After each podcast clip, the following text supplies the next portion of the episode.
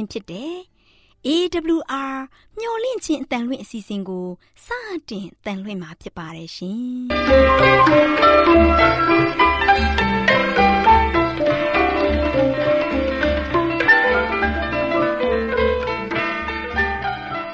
ဒေါက်တာရှင်များခင်ဗျာမျော်လင့်ခြင်းအတန်မြန်မာအစီအစဉ်ကို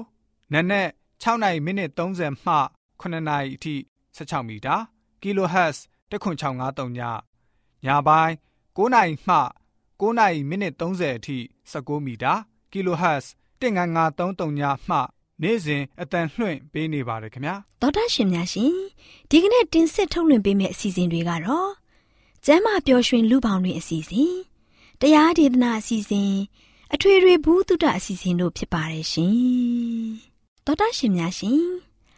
Our temperament 11 ကျန်းမာခြင်းသည် လူသားတိုင်းအတွက်အဓိကအရေးဖြစ်ပါသည်။ဒါကြောင့်ကိုရောစိတ်ပါကျန်းမာစေဖို့ရန်ကျန်းမာခြင်းတရင်ကောင်းကို တင်ဆက်ပေးလိုက်ပါရရှင်။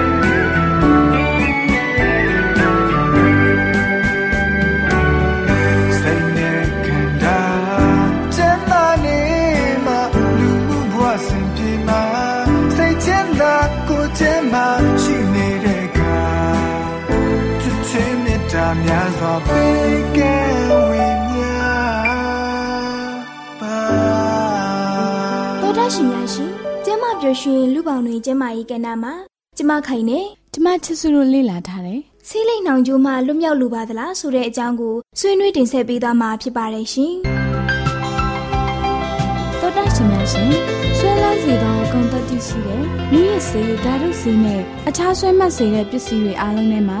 ဆေးလိပ်ကနံပါတ်1နေရာမှာရှိနေပါတယ်။ဆေးလိပ်မှာပါဝင်တဲ့နီကိုတင်းတက်ကအရက်ကိုဆွဲစိန်နိုင်တဲ့အခွင့်အရေးရဲ့6ဆကနေ8ဆအထိပုံမရှိနေပါတယ်။ဒါ့အပြင်နီကိုတင်းတက်ထဲမှာလည်းစိတ်ကိုပြောင်းလဲပေးနိုင်တဲ့ဂုဏ်သတ္တိတွေပါဝင်နေပါတယ်။ဟုတ်ပါတယ်ရှင်။ဆေးလိပ်တစ်လိပ်မှာဓာတုပစ္စည်းပေါင်း4000ကျော်ပါဝင်ပြီးအဲ့ဒါတွေအနက်43မျိုးကကင်ဆာရောဂါမျိုးမျိုးကိုဖြစ်စေပါတယ်။ ဆေးလိပ်မှာပါဝင်တဲ့ဓာတုဓာတ်တချို့ကတော့ acetic acid လို့ခေါ်တဲ့ရှာလကာရည်မီသိန်းဓာတ်တနည်းအားဖြင့်မိလာမြောင်းမှထွက်လာတဲ့ဓာတ်ငွေအာဆင်နစ်အဆိပ်ကာဗွန်မိုနော့ဆိုက်လို့ခေါ်တဲ့မော်တော်ကားအိတ်ဇောအငွေမက်သနောလောင်စာအိမ်တုပ်ဆေးပြူတိန်လို့ခေါ်တဲ့ gas အရည်ဘက်ထရီမှာအသုံးပြုတဲ့ကယ်မီယန်ဓာတ်ဖျောင်းမှာပါဝင်တဲ့ stearin acid ဟက်ကမင်းဓာတ်စက်ယုံသုံးဓာတုအရည်မှာပါဝင်တဲ့တော်လင်းဓာတ် အင်းချက်ပူမွားသက်ဆေးမှာပါဝင်တဲ့နီကိုတင်းနဲ့အိမ်သာသုံးဓာတုသန့်ရှင်ရေးအရည်မှာပါဝင်တဲ့အမိုနီးယားစတဲ့အဆိပ်တွေပါဝင်နေပါတယ်။အဲဒါကြောင့်စီလီတလေးတောက်လိုက်တိုင်းတောတရှင်ရဲ့ခန္ဓာကိုယ်ထဲပေါ်ပြခဲ့တဲ့ဓာတုဓာတ်တွေမတိမတာဝင်ရောက်လာတယ်ဆိုတာကိုသတိပြုမိရဲ့လား။သိရဲ့နဲ့စီးလေးကိုတောက်သုံးနေမယ်ဆိုရင်မိမိရဲ့ခန္ဓာကိုယ်ထဲအဆိပ်ငွေ့တွေကိုရှူသွင်းနေခြင်းပဲဖြစ်ပါတယ်ရှင်။ခိုင်ပြောတာမှန်ပါတယ်ရှင်။အချို့ဆေးလိပ်ဖြတ်တဲ့သူတွေဟာဆေးလိပ်ကိုဖြတ်နေစဉ်အချိန်မှာ ဆေးလိပ်ပြန်တောက်ရန်လှုပ်ဆော်မှုဖြစ်တဲ့ဆေးလိပ်အနံငွေအမြင့်အာယုံဆေးလိပ်ကြော်ညာအရက်နဲ့ဆေးလိပ်တောက်တဲ့မိတ်ဆွေတွေကိုဘယ်လိုရှောင်ရမလဲဆိုတာမသိတာကြောင့်ဆေးလိပ်ပြန်ပြီးတောက်ဖြစ်ကြပါတယ်။ဒါအပြင်ဆေးလိပ်ဖြတ်နေစဉ်မှာနီကိုတင်ပြတ်တဲ့လက္ခဏာတွေကိုခံစားရတာကြောင့်ဆေးလိပ်ပြန်တောက်ဖြစ်ကြပါတယ်။သောတရှင်တို့အနေဖြင့်ဆေးလိပ်ဖြတ်ပြီးတဲ့နောက်ရရှိခံစားလာရမယ့်အကျိုးကျေးဇူးတွေကိုဆက်လက်ဖော်ပြပေးချင်ပါတယ်ရှင်။သောတရှင်မိတ်ဆွေအနေဖြင့် စီလေးတောက်တာတက်တန်ဘလောက်ပဲရှိရှိစီလေးဖြစ်တဲ့နေ့ကစပြီးယခုဖော်ပြပေးမယ့်ကျမရဲ့အကျိုးကျေးဇူးတွေကိုရရှိခံစားရမှာဖြစ်ပါတယ်။အဲ့ဒီကျေးဇူးတွေကတော့နံပါတ်1အချက်အနေဖြင့်စီလေးဖြစ်ပြီးနှစ်နာရီကြာတဲ့အခါနီကိုတင်းတက်ကသောတရှင်ရဲ့ခန္ဓာကိုယ်ထဲမှထွက်သွားပါလိမ့်မယ်။နံပါတ်2အချက်ကတော့6နာရီကြာတဲ့အခါမိတ်ဆွေရဲ့နှလုံးခုန်နှုံးနဲ့သွေးပေါင်ချိန်ကစတင်ကျဆင်းလာပါလိမ့်မယ်။နံပါတ်3အချက်အနေနဲ့12နာရီကြာတဲ့အခါ ကာဗွန်မိုနော့ဆိုက်ဓာတ်ကခန္ဓာကိုယ်မှထွက်သွားပြီးပေါ်တာရှင်ရဲ့အဆုတ်လှုပ်ဆောင်မှုအလုံးကိုကောင်းမွန်လာစေမှာဖြစ်ပါတယ်ရှင်။ဟုတ်ပါတယ်ရှင်။နံပါတ်၄အချက်ကတော့ဆိတ်လိပ်ဖြတ်ပြီးနှစ်ရက်ကြာလာတဲ့အခါ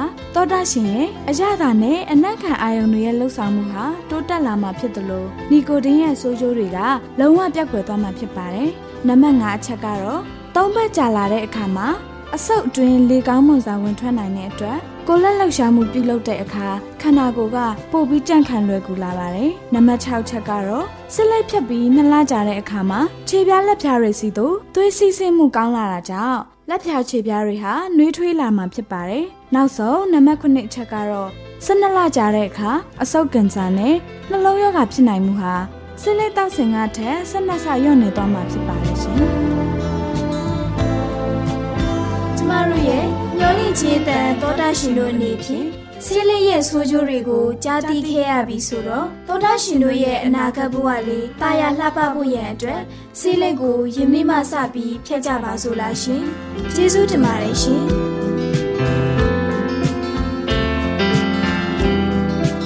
ဘုရားရှင်များရှင်တော်ချမ်းမြေတော်မူကြပါရဲ့လားခင်ဗျာမြန်မာပြည်သူပြည်သားအပေါင်းစိတ်တဒုက္ခကာယဒုက္ခနဲ့ပြည့်စုံကြွယ်ဝတော်မူကြပါစေ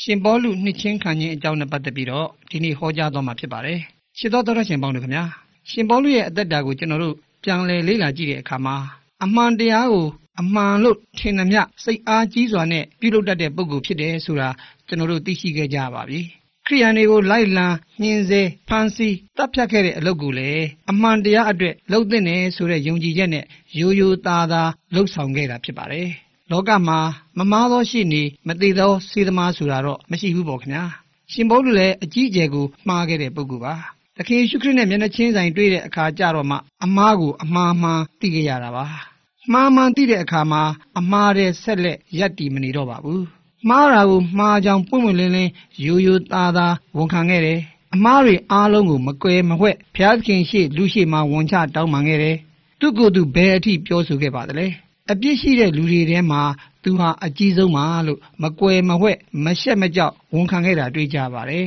။ခရိယန်ဘာသာမှာမိမိအပြစ်ကိုမကွယ်မဝှက်ဝန်ချတောင်းပန်ခြင်းကိုဖျားသခင်နှစ်သက်တော်မူကြောင်းဖော်ပြထားတာတွေ့ကြပါလိမ့်မယ်။မိမိအပြစ်တွေကို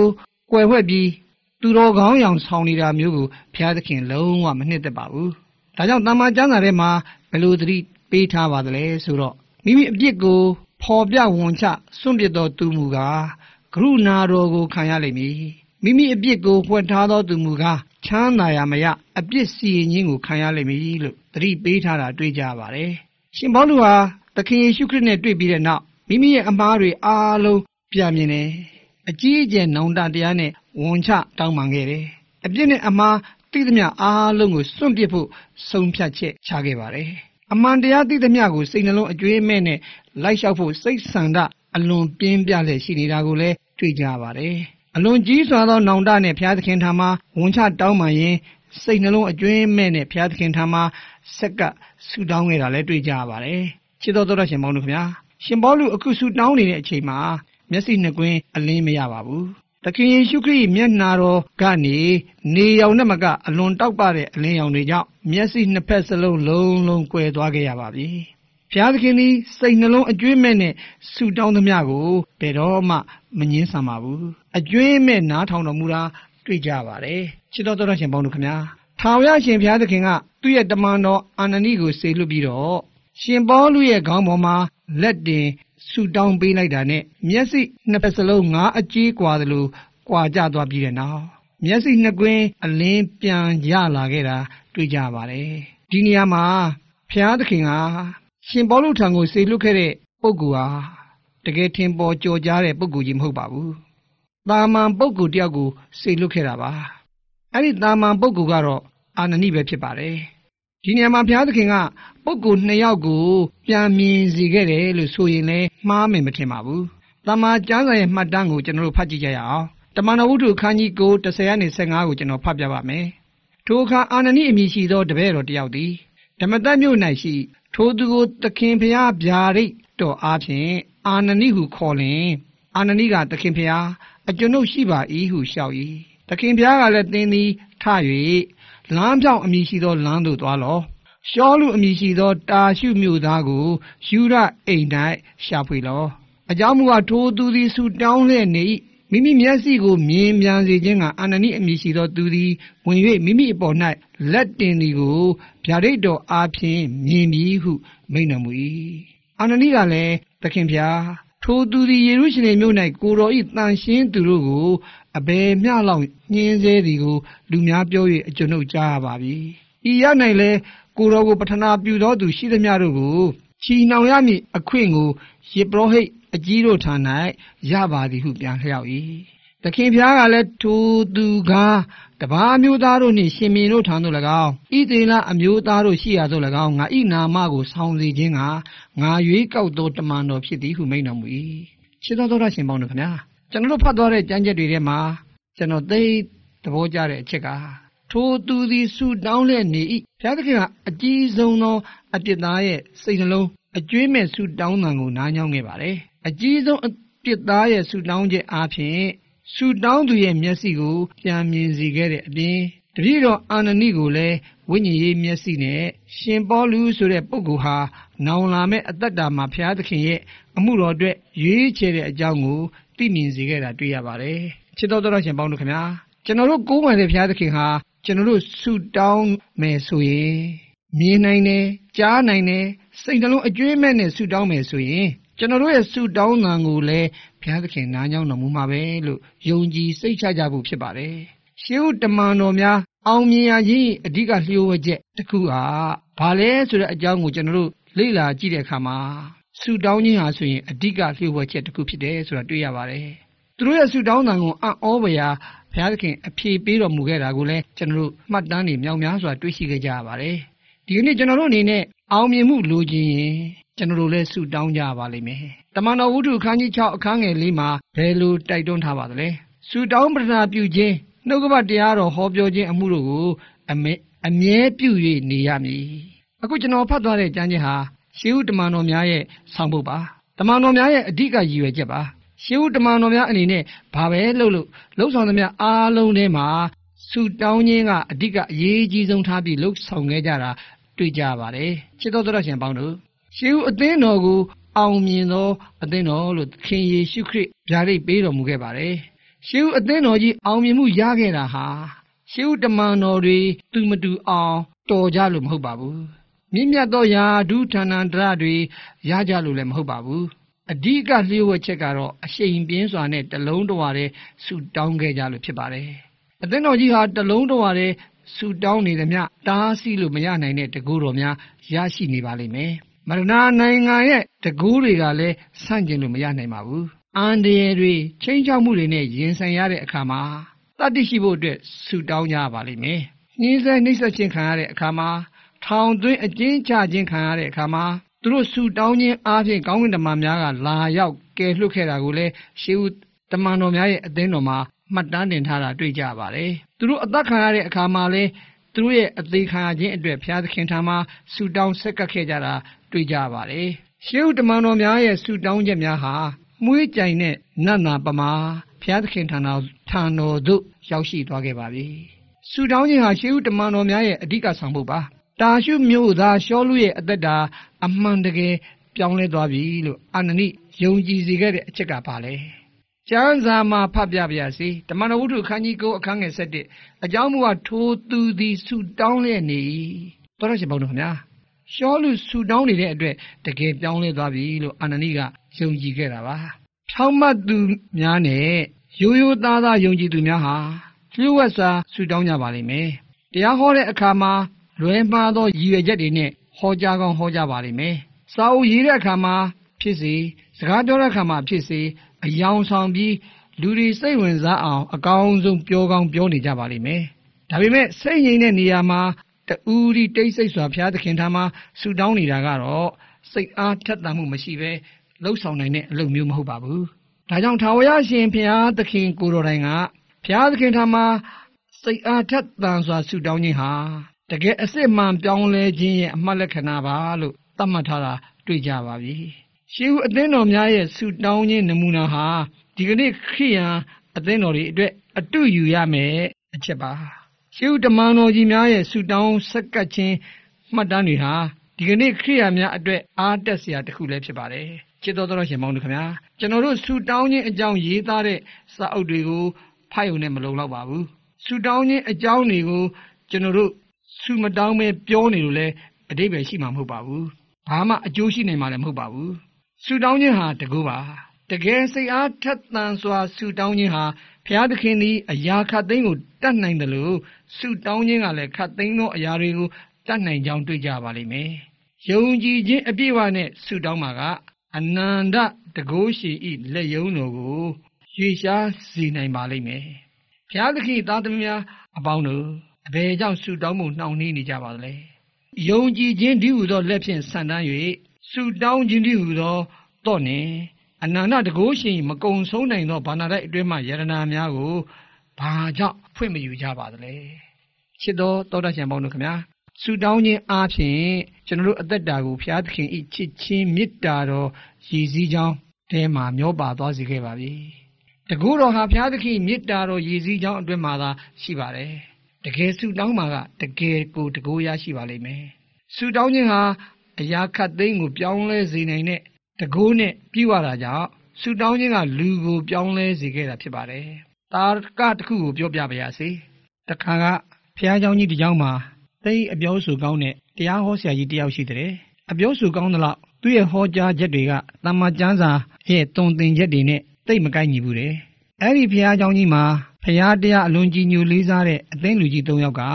တရားဟောဆရာကြီးဟောကြားချက်တွေဟာ တမ္မာကျမ်းစာရဲ့ဩဝါဒနဲ့မကိုက်ညီဘူးဆိုတာသတိထားမိကြတာပေါ့ဒါပေမဲ့အသင်းလူကြီး၃ယောက်ကဘယ်သူ့ကိုမှသဘုတ်လေလွင့်လိုက်မပြောကြပါဘူးဒါနဲ့အသင်းလူကြီး၃ယောက်ဘယ်လိုတိုင်ပင်ပြီးဆုံးဖြတ်ကြပါသလဲဆိုတော့စနေနေ့ညတိုင်းသူတို့ရဲ့ဆရာကြီးအတွက်စုပေါင်းပြီးစုတောင်းဖို့ဆုံးဖြတ်လိုက်ကြပါတယ်။စနေနေ့ညတိုင်းအချိန်အများကြီးယူကာအတူတကွစုတောင်းခဲ့ကြတဲ့။ တနင်္ဂနွေနေ့တမနေ့မှာတော့သူတို့ရဲ့စုတောင်းချက်ဘယ်လိုအဖြေထွက်လာမလဲဆိုတာသိဖို့ရာသူတို့ဆရာရဲ့တရားဟောပုံကိုအကဲခတ်ကြပြမှာရောတယ်ခင်ဗျာ။အံ့ဩစရာကောင်းတာကသူတို့ဆရာဟာမယုံကြည်နိုင်လောက်အောင်အကြီးအကျယ်လူရောတရားဟောတဲ့ပုံစံမှာအတွေးခေါ်ပါပြောင်းလဲသွားတာကိုတွေ့ကြပါတဲ့ခင်ဗျာချစ်တော်တော်ရှင်ပေါင်းတို့ခင်ဗျာဒေါက်တာသီယိုခါလာဆိုတဲ့ပုဂ္ဂိုလ်ကြီးကဘယ်လိုပြောခဲ့ပါသလဲဆိုတော့ လူတယောက်ကိုတကယ်ပြောင်းလဲစေခြင်းသူ့အကြောင်းကိုနဲနိုင်သမျှနဲနဲပြောဆိုပြီးတော့သူ့အတွက်ဘုရားသခင်ထံမှာများနိုင်သမျှများများဆုတောင်းပေးပါထိုနည်းတူတယောက်အကြောင်းတယောက်နဲနိုင်သမျှနဲနဲပြောပြီးတော့တယောက်ကိုတယောက်များနိုင်သမျှများများဆုတောင်းပေးကြပါဤကားသို့ပြုလုပ်မယ်ဆိုရင်ပိုကောင်းတဲ့အရာတွေကို ဖြစ်လာပါလိမ့်မယ်လို့ပြောခဲ့မှုပါတယ်တရားဟောဆရာပေါင်းတို့ အသင်းသူသင်သားများအတွက်မျက်ရည်မျက်ခွက်နဲ့သူတို့ဝိညာဉ်ကယ်တင်ခြင်းအတွက်ဆုတောင်းပေးကြပါချစ်တော်တော်ရှင်ပေါင်းတို့အာနနိဟာနေအသင်းတော်ရဲ့တာမန်အသစ်ယုံကြည်သူအသင်းလူကြီးဖြစ်ပေမယ်ပေါလုရဲ့ခေါင်းပေါ်မှာလက်တင်ပြီးဆုတောင်းပေးခြင်းအပြင်ပေါလုရဲ့မျက်စိပြန်မြင်ခဲ့ရုံမကတန်ရှင်းသောဝိညာဉ်တော်နဲ့ပြည့်ဝစေခဲ့ပါတယ်။တန်ရှင်းသောဝိညာဉ်တော်ဤတကူတော်အောက်တွင်အသက်တာကိုလည်းလုံလုံပြောင်းလဲသွားစေခဲ့ပါတယ်။ ပြောင်းလဲသွားပြီးတဲ့နောက်ဓမ္မသက်မြို့ရဲ့မြစ်အတွင်းမှာနှစ်ချင်းခံယူခဲ့တာဖြစ်ပါတယ်။ရှင်ပေါလုနှစ်ချင်းရှင်ပေါလုနှစ်ချင်းခံယူခဲ့ခြင်းဟာတာမန်အသင်းလူကြီးရဲ့ဆူတောင်းမှုနဲ့စက္ကပ်မှုလဲတစိမ့်တရေသပါဝင်တာတွေ့ကြပါတယ်။ဘုရားသခင်ထာမှာဆက်ကပ်ဆူတောင်းခြင်းဖြင့်ဝိညာဉ်များကို ပြောင်းလဲစေကြပါစို့လို့ဆန္ဒပြုရင်းညီကုန်းချုပ်လိုက်ရပါတယ်အာမင်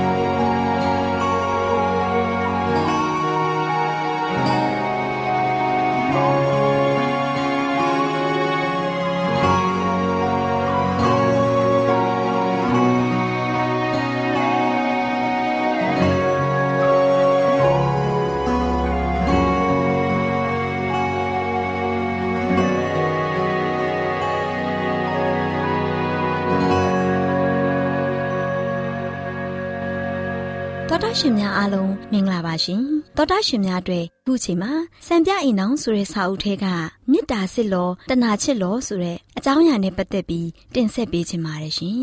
တော်တာရှင်များရှင်မေတ္တာဆိုတာယေရှုဖျားထံမှာဆင်းသက်လာတဲ့ဖိုးထိုက်တန်တဲ့စုကျေးဇူးပဲဖြစ်ပါတယ်မေတ္တာဆိုတာယေရှုထံတော်မှာကျွန်ုပ်တို့လက်ခံရရှိတဲ့အဖိုးထိုက်တန်တဲ့စုကျေးဇူးပဲဖြစ်ပါတယ်စင်ကြယ်တန့်ရှင်းတဲ့မေတ္တာဟာစိတ်ရဲ့ခံစားခြင်းမဟုတ်ဘဲ ကျင့်စဉ်တစ်ခုသာလျှင်ဖြစ်ပါတယ်။စစ်မှန်တဲ့မေတ္တာအားဖြင့်ချစ်တဲ့သူတွေဟာစင်ချင်းတက်ပြီးတတိကင်းမဲ့တဲ့သူများမဟုတ်ပါဘူး။စက္ခုနှစ်ကွင်းအလင်းကင်းမဲ့သူများလည်းမဟုတ်ပါဘူးရှင်စစ်မှန်တဲ့မေတ္တာမျိုးရိုးစစ်တဲ့မေတ္တာစိတ်ဆွဲလန်းတဲ့မေတ္တာဖြူစင်သောမေတ္တာဆိုတာမရှိသလောက်နေပါလာပါတယ်ဒီအဖိုးထိုက်တန်တဲ့ဝတ္ထုပစ္စည်းဟာရှားမှရှားတဲ့အရာဖြစ်ပါတယ်တချို့ကတဏှာကိုမေတ္တာလို့ကင်မွန်းတတ်ကြပါတယ် စစ်မှန်တဲ့မေတ္တာဟာမြင့်မြတ်သက်ရှင်တဲ့ကျင့်စဉ်တစ်ခုဖြစ်ပြီးရုတ်တရက်စိတ်စောတိုက်တွန်းမှုကြောင့်နိုးကြားလာပြီးပြင်းထန်စွာစုံစမ်းခံရတဲ့ရုတ်တရက်ပျောက်ကွယ်သွားတဲ့မေတ္တာနဲ့ခြားနာပါတယ်။မေတ္တာဟာကောင်းငင်မှာပေါက်ဖွာလာတဲ့ ပင်ငယ်လေးဖြစ်တဲ့အတွက်ဒါကိုမွေးမြူပြီးကြီးထွားလာအောင်ပြုလုပ်ရမှာဖြစ်ပါတယ်။ချစ်တတ်တဲ့စိတ်နှလုံးများမှန်ကန်ပြီးချစ်ဖွယ်တဲ့အပြောဆိုများဟာပျော်ရွှင်သာယာတဲ့အင်္ဂေဟာကိုစောက်လုပ်ပေးပြီးဒီအင်္ဂေဟာများရဲ့ဩဇာတက်ရောက်မှုစက်ကွင်းမှာရောက်ရှိလာတဲ့သူတွေအပေါ်မြင့်မြတ်တဲ့ဩဇာတက်ရောက်မှုရှိပါလိမ့်မယ်။မေတ္တာဟာစင်ကျင်တက်ခြင်းမရှိတဲ့အရာမဟုတ်ပါဘူးရှင်။မေတ္တာစိတ်ဟာတန့်ရှင်းစင်ကြယ်ပါတယ်။ ဒါပေမဲ့ဇာတိပဂတိစိတ်နှလုံးနဲ့တဏှာဒါမှမဟုတ်တက်မဲ့ခြင်းစတဲ့ဒီလိုမေတ္တာနဲ့လုံးဝမတူတဲ့အရာဖြစ်ပါတယ်။စင်ကြယ်တဲ့မေတ္တာဟာတဏှာမူးကခေါင်းမာပြီးတစွတ်ထိုးပြုတ်လုတတ်ပြီးမစင်ကြယ်တဲ့မေတ္တာကတော့တဏှာမူးကခေါင်းမာပြီးတစွတ်ထိုးပြုတ်လုတတ်ပါတယ်။မေတ္တာစစ်မေတ္တာမှန်ကတော့သူ့ရဲ့အမူအရာအနေအထိုင်အသွင်မြင်တိုင်းမှာဖျားသခင်ရဲ့ကျေးဇူးတော်ကိုဟောပြထားလိမ့်မယ်။ ကိုနှုတ်ဆောင်စည်းခြင်း၊ရိုသားခြင်း၊စေတနာရှိခြင်း၊ကိုချင်းတရားရှိခြင်း၊ဘာသာရေးအယူဝါဒရိုသေကိုင်းဆိုင်ခြင်းတို့ဟာမင်္ဂလာဆောင်ရေးနဲ့ပတ်သက်တဲ့လှုပ်ရှားမှုတိုင်းမှာထူးခြားနေမှာဖြစ်ပါတယ်။ဒီလိုအုပ်ထိပ်မှုရှိတဲ့အကျင့်လင်များတိုင်းဟာ ဆူတောင်းဝတ်ပြုစည်းဝေးတစ်ခုခုကိုဖြစ်စေစိတ်ဝင်စားမှုပျောက်ကွယ်သွားအောင်သူတို့ရဲ့အိမ်အောင်ရေးကိစ္စကိုသာအာယုံစိုက်နေမှာမဟုတ်ပါဘူး။ဖျားသခင်ကသူတို့အားကျွယ်ဝစွာပေးသနာတော်မူတဲ့အခွင့်အရေးများလိလူရှုခဲ့မှုကြောင့်တမန်တရားအတွက်သူတို့ရဲ့စိတ်ထက်သန်မှုဟာချုပ်ငြိမ်မသွားပါဘူး။ကာမဂုဏ်ခံစားမှုအတွက်ကိုသာအခြေခံတဲ့မေတ္တာဟာခေါင်းမာပြီးမျက်စိမရှိတဲ့အပြင်အုတ်ထိန်မရဖြစ်ပါလိမ့်မယ်။ဂုံတည်တစ္ဆာနဲ့စိတ်ရဲ့မြင့်မြတ်တဲ့စွမ်းအင်များကို တဏှာယာခရဲ့ကြီးကျွံဘဝ၌သွတ်သွင်းထားကြတယ်။ဒီလိုတဏှာယာခရဲ့တန်ကြိုးဖြင့်